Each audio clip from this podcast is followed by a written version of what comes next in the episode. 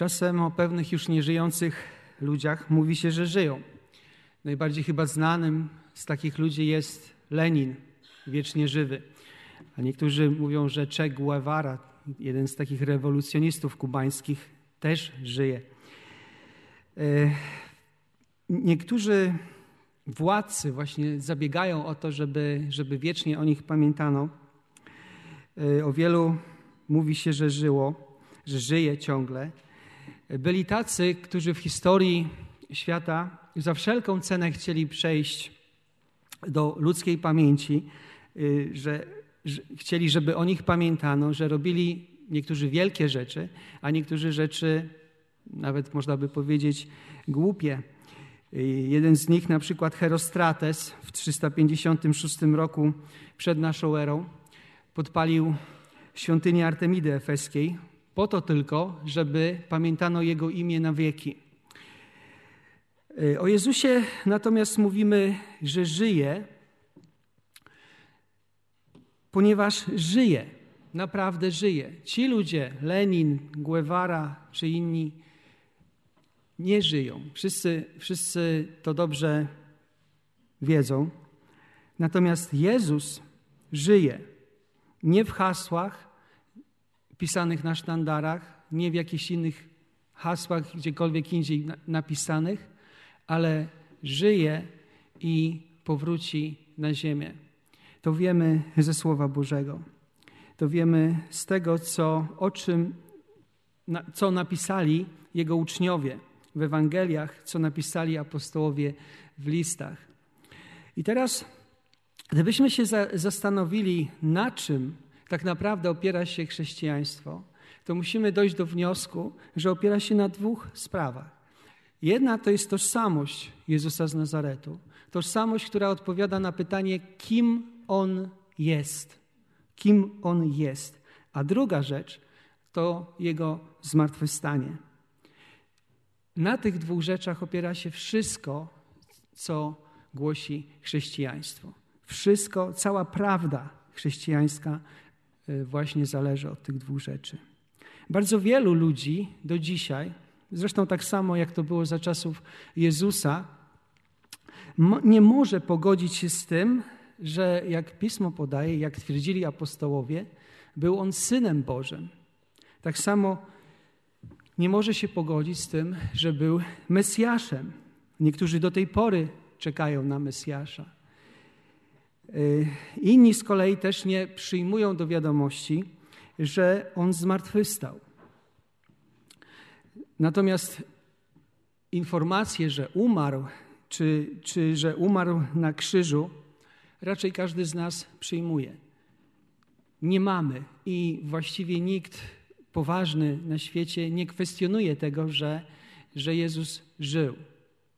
Ale te dwie sprawy, Tożsamość Jezusa, że jest Synem Bożym, Mesjaszem i że zmartwychwstał, od samego początku budziły kontrowersje. Od samego początku powodowały, że ludzie dzielili się na dwa obozy.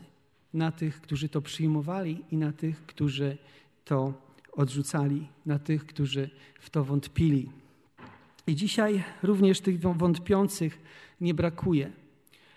I dzisiaj właśnie chciałbym, chciałbym skupić się na odpowiedzi na to, na to pytanie, kim był ten, który umarł i zmartwychwstał. Y, jak pamiętamy, kiedy Jezus przyjmował chrzest, głos z nieba obwieścił: Ten jest mój syn umiłowany, w którym mam upodobanie.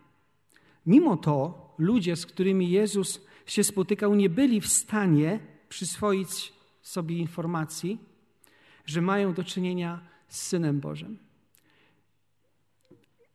Byli zadziwieni, być może szczęśliwi z tych cudów, których byli świadkami.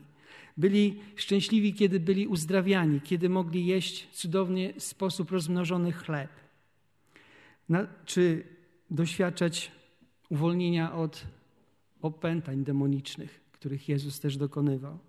Natomiast uznać go za syna Bożego nie mogli, nie byli w stanie, nie mogli pojąć tego, jak to byłoby możliwe. Ta myśl była zbyt niezwykła.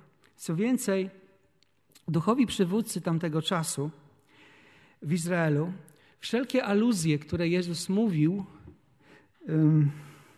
co do tego, że ma na przykład władzę taką, jaką ma Bóg, jeżeli chodzi o odpuszczanie grzechów na ziemi, albo kiedy w rozmowach z nimi nazywał Boga swoim ojcem, traktowali jako bluźnierstwa, za które powinien zostać ukarany i to ukarany śmiercią.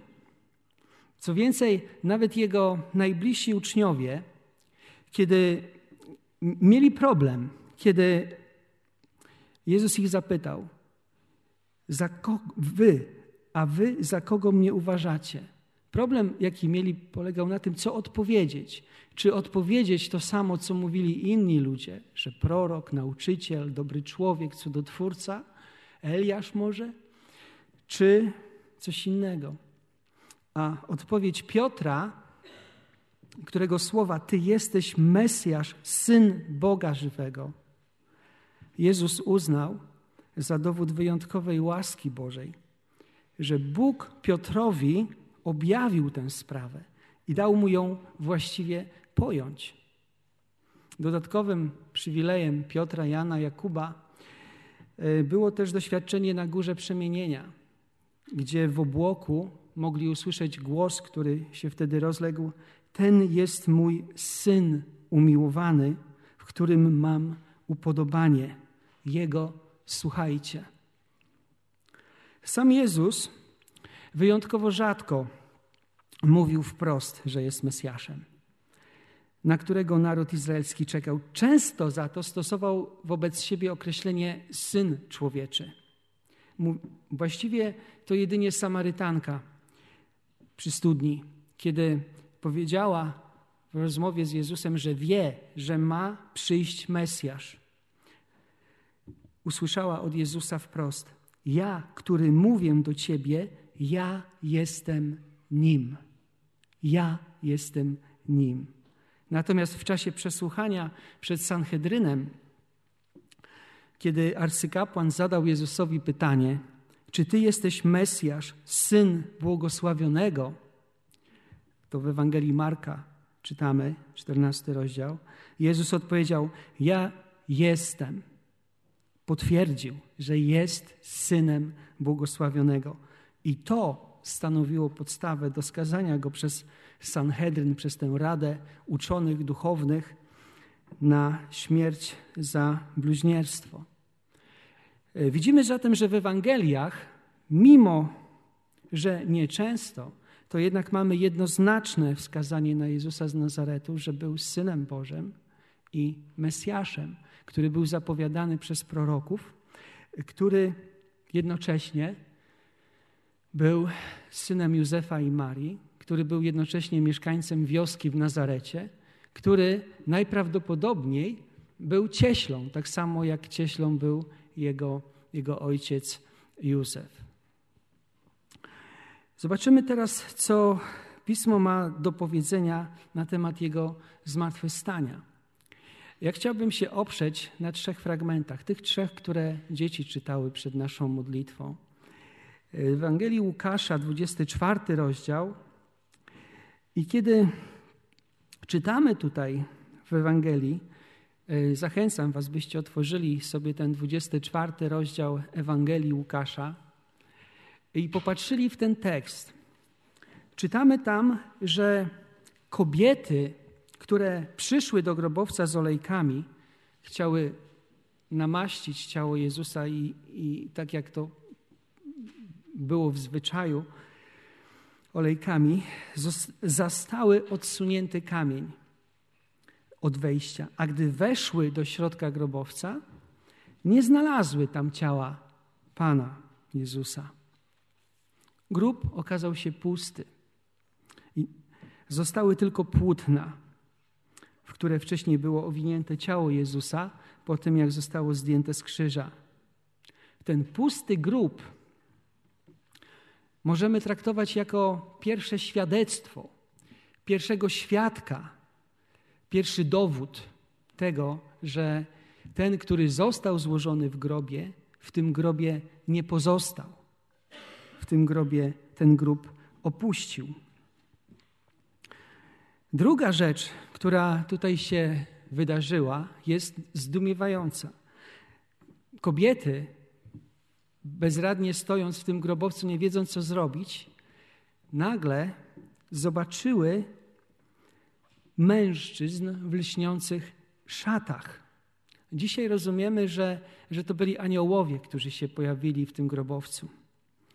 I co ci aniołowie powiedzieli? Zadają pytanie na początku: dlaczego szukacie żyjącego wśród umarłych? Zobaczcie, że to jest pierwsze wskazanie, że ten grób jest pusty, bo ten, którego szukają, żyje. A drugie zdanie, które tutaj Łukasz, ewangelista, nam zapisuje, brzmi tak: Nie ma go tu, zmartwychwstał. Dlaczego grób jest pusty? Dlatego, że ten, którego szukali, ten, który był umarły, ten, który był ukrzyżowany i złożony w tym grobie, żyje, bo zmartwychwstał i opuścił ten grób. Po czym odwołują się do tego, żeby kobiety sobie przypomniały, co Jezus mówił, kiedy jeszcze był z nimi w Galilei przed swoim ukrzyżowaniem. I rzeczywiście kobiety przypomniały sobie, że syn człowieczy musi być wydany w ręce grzesznych ludzi i ukrzyżowany, ale trzeciego dnia zmartwychwstanie. Mamy drugi dowód tutaj świadectwo aniołów.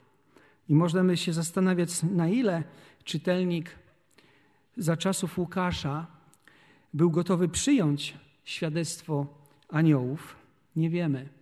Jednak Łukasz przytacza to wszystko, czego się dowiedział z rozmów z różnymi ludźmi, którzy mu opowiadali, jak to było. I nie waha się tego pisać, dlatego że dla Łukasza to jest prawda. To jest prawda. I czy czytający w te słowa uwierzy, czy nie uwierzy, Łukasz wie, że napisał prawdę. I do tego Teofila, do którego kieruje Ewangelię, i do każdego innego człowieka, który tę Ewangelię czyta, kieruje słowa, o których jest przekonany, że są prawdą. Aniołowie nie tylko powiedzieli, nie ma go tu, ale mówią, że zmartwychwstał. Odpowiadają tym samym na pytanie, czemu grób jest pusty? Czemu grób jest pusty? Trzecie świadectwo jest świadectwem ludzi. Świadectwem ludzi, kobiety tutaj wróciły do apostołów. Opowiedziały, co widziały, opowiedziały, co słyszały, ale dla apostołów to, co mówiły, wydawało się niedorzeczne. To jest to słowo dokładnie użyte w, w, w tłumaczeniu Biblii, że to im się wydaje niedorzeczne. Nie dlatego nie uwierzyli kobietom, bo świadectwu kobiet się nie wierzy.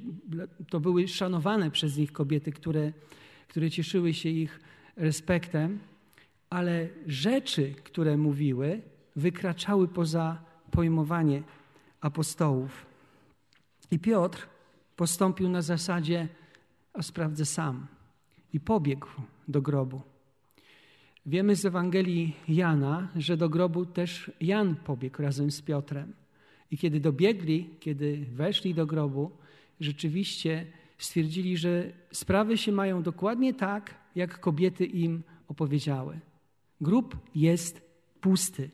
Na ziemi w grobie leżą tylko płótna, w które był, było owinięte ciało Jezusa zdjęte z krzyża. A zatem kolejni świadkowie, tym razem ludzie, kobiety, Piotr, Jan, potwierdzają, że grób jest pusty i przekazują informację do, od aniołów, że jest pusty dlatego, że Jezus zmartwychwstał. To jest, to jest nasz fragment z Ewangelii Łukasza. Jeżeli popatrzymy na te dwa dalsze fragmenty z dziejów apostolskich z drugiego rozdziału i z listu do Koryntian, widać tam, że świadectwo ludzi nie kończy się na tym, co opisał Łukasz.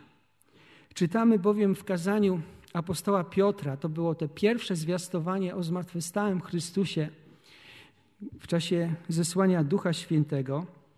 On tam w czasie tego zwiastowania wypowiada takie słowa: Tego właśnie Jezusa wskrzesił Bóg, a my wszyscy jesteśmy tego świadkami. Mówi tutaj o grupie tych uczniów, tych najbliższych uczniów, e, którzy otrzymali Ducha Świętego, którzy z Jezusem się spotkali po Jego zmartwychwstaniu, którzy też widzieli, jak Jezus wstępował do nieba, którzy jedli z Nim i pili, którzy siedzieli z Nim po Jego zmartwychwstaniu przy jednym ognisku.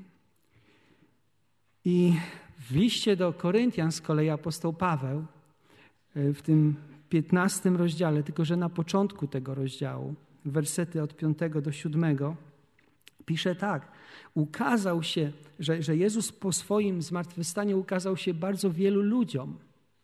Ukazał się Piotrowi, potem dwunastu. Następnie ukazał się więcej niż pięciuset braciom jednocześnie, z których większość żyje do dziś. Niektórzy zaś pomarli. Później ukazał się Jakubowi, a potem wszystkim apostołom.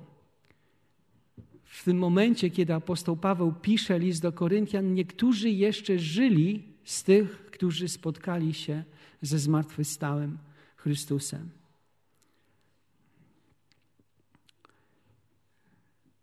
Dodatkowym świadectwem obecnym w kazaniu Piotra jest świadectwo wypełnionych proroctw. Piotr cytuje w czasie swojego kazania Psalm 16 i mówi, że w zmartwychwstaniu Jezusa wypełniło się to, co ten psalm mówi o zmartwychwstałym Mesjaszu.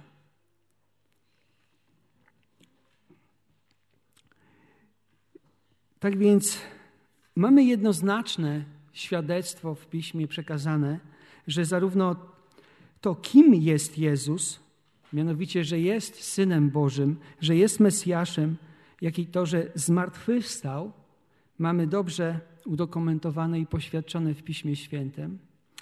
Ale zwróćcie uwagę na jedną rzecz. Czy wierzymy, że Chrystus zmartwychwstał dlatego, że Pismo powstało? Czy Pismo powstało dlatego, że Jezus zmartwychwstał? Jak Wam się wydaje? Otóż dzisiaj nie mielibyśmy niczego z Nowego Testamentu, nie mielibyśmy Ewangelii, nie mielibyśmy listów apostolskich, nie mielibyśmy dziejów apostolskich, ani apokalipsy, jeśli by Chrystus nie zmartwychwstał. Nie byłoby chrześcijaństwa dzisiaj. Nie byłoby poselstwa, które jest rozpowiadane dzisiaj na całym świecie, gdyby Chrystus nie zmartwychwstał. Dlatego powiedziałem na początku, że wszystko, co, co, co chrześcijaństwo ma do powiedzenia, co głosi, oparte jest na tych dwóch rzeczach: na tożsamości Chrystusa i na fakcie Jego zmartwychwstania. Mamy pisma, mamy świadectwo o Jego zmartwychwstaniu, dlatego że On zmartwychwstał. Gdyby nie zmartwychwstał, nie byłoby Ewangelii, nie byłoby tych pism.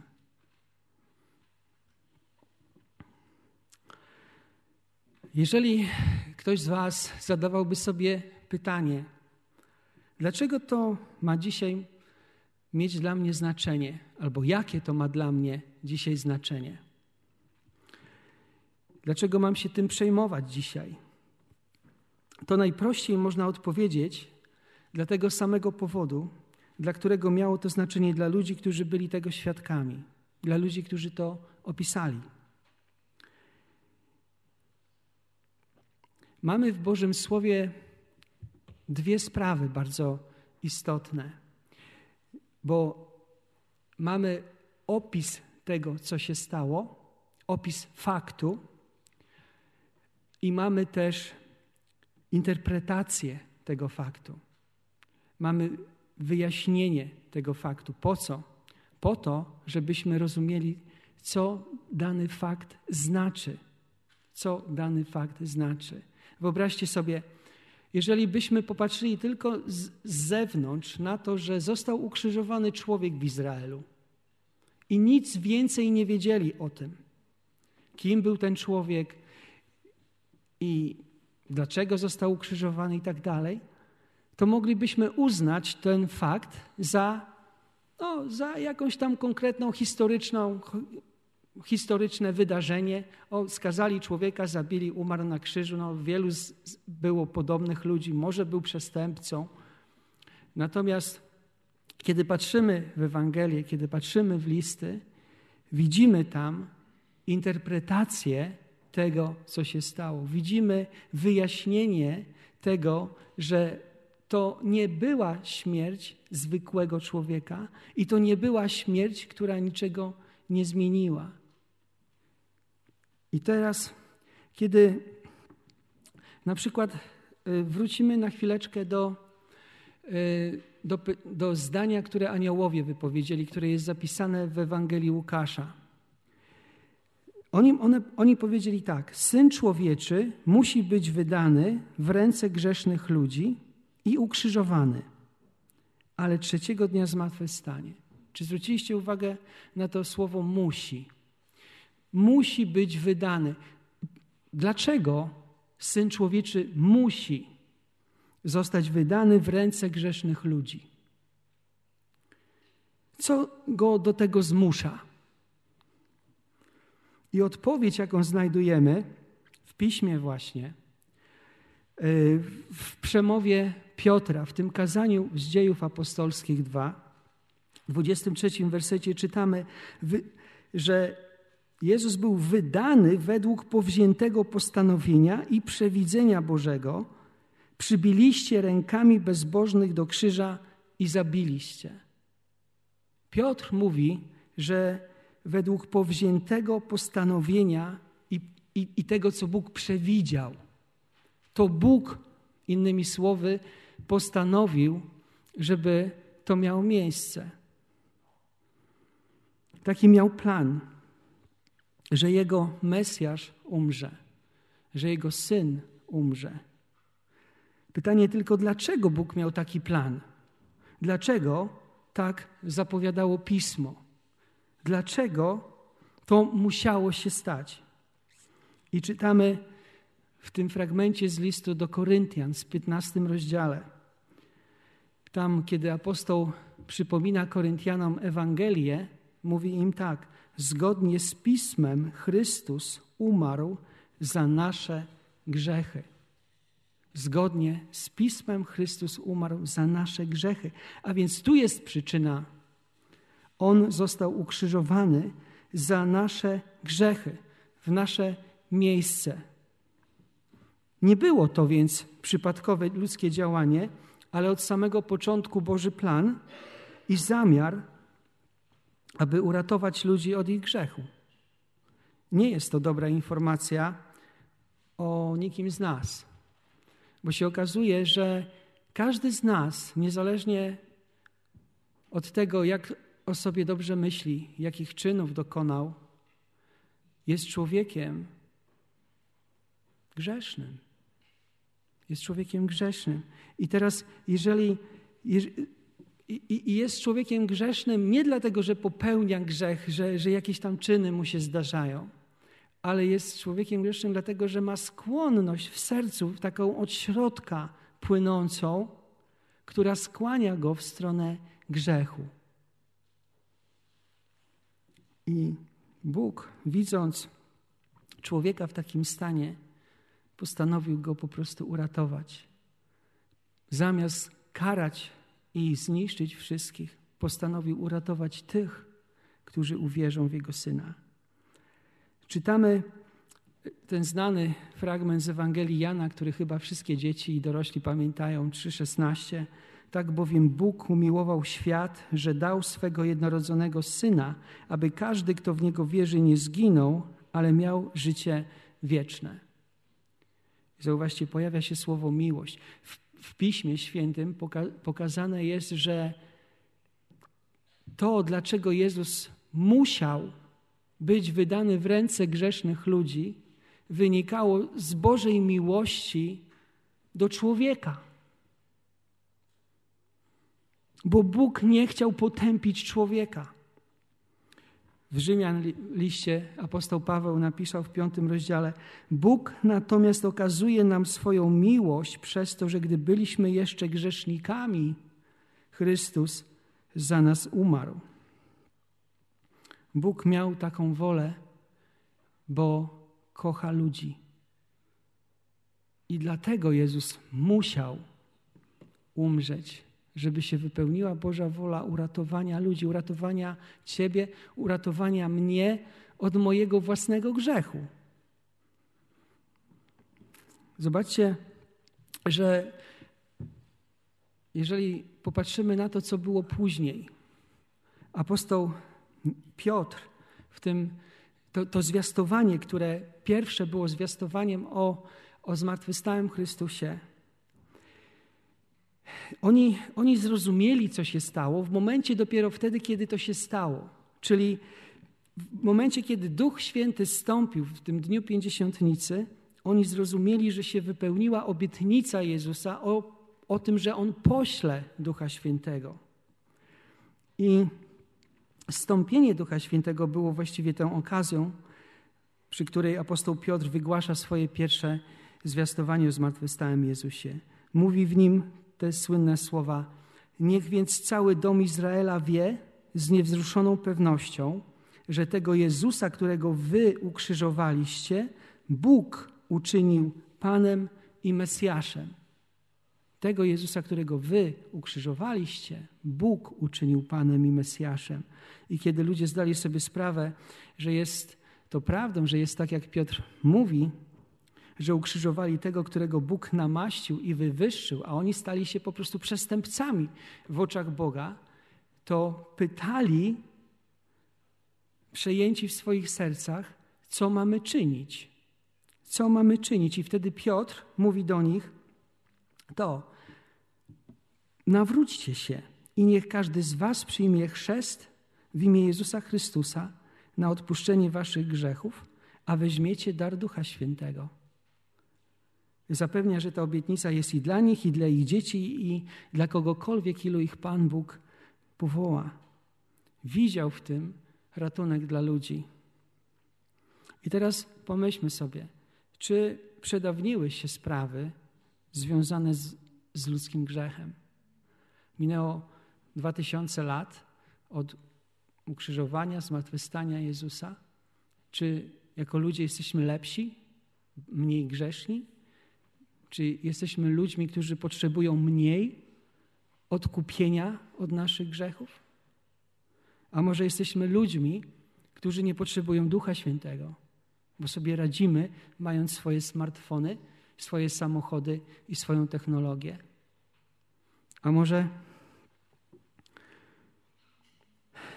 a może właśnie jest to, że jesteśmy w tym samym miejscu, takim samym położeniu i mamy taką samą potrzebę, żeby skorzystać z łaski, która przychodzi wraz ze zmartwychwstałym Chrystusem, z łaski przebaczenia naszych grzechów, z łaski otrzymania daru Ducha Świętego.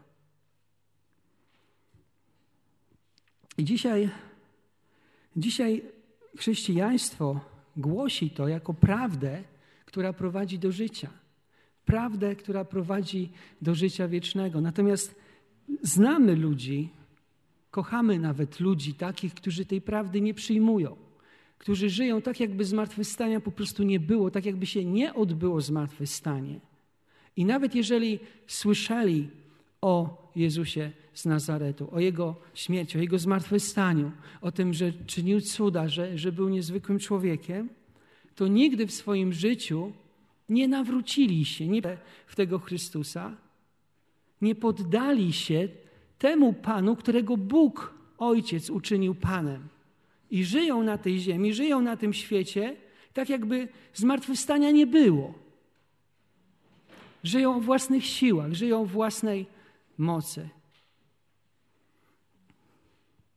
I można mieć tylko nadzieję, że nastąpi taki moment, że również tacy ludzie w którymś momencie właśnie zrozumieją swój błąd, zrozumieją prawdę, którą głosi chrześcijaństwo, że Jezus jest Panem i jest Mesjaszem i że poddadzą Mu swoje życie.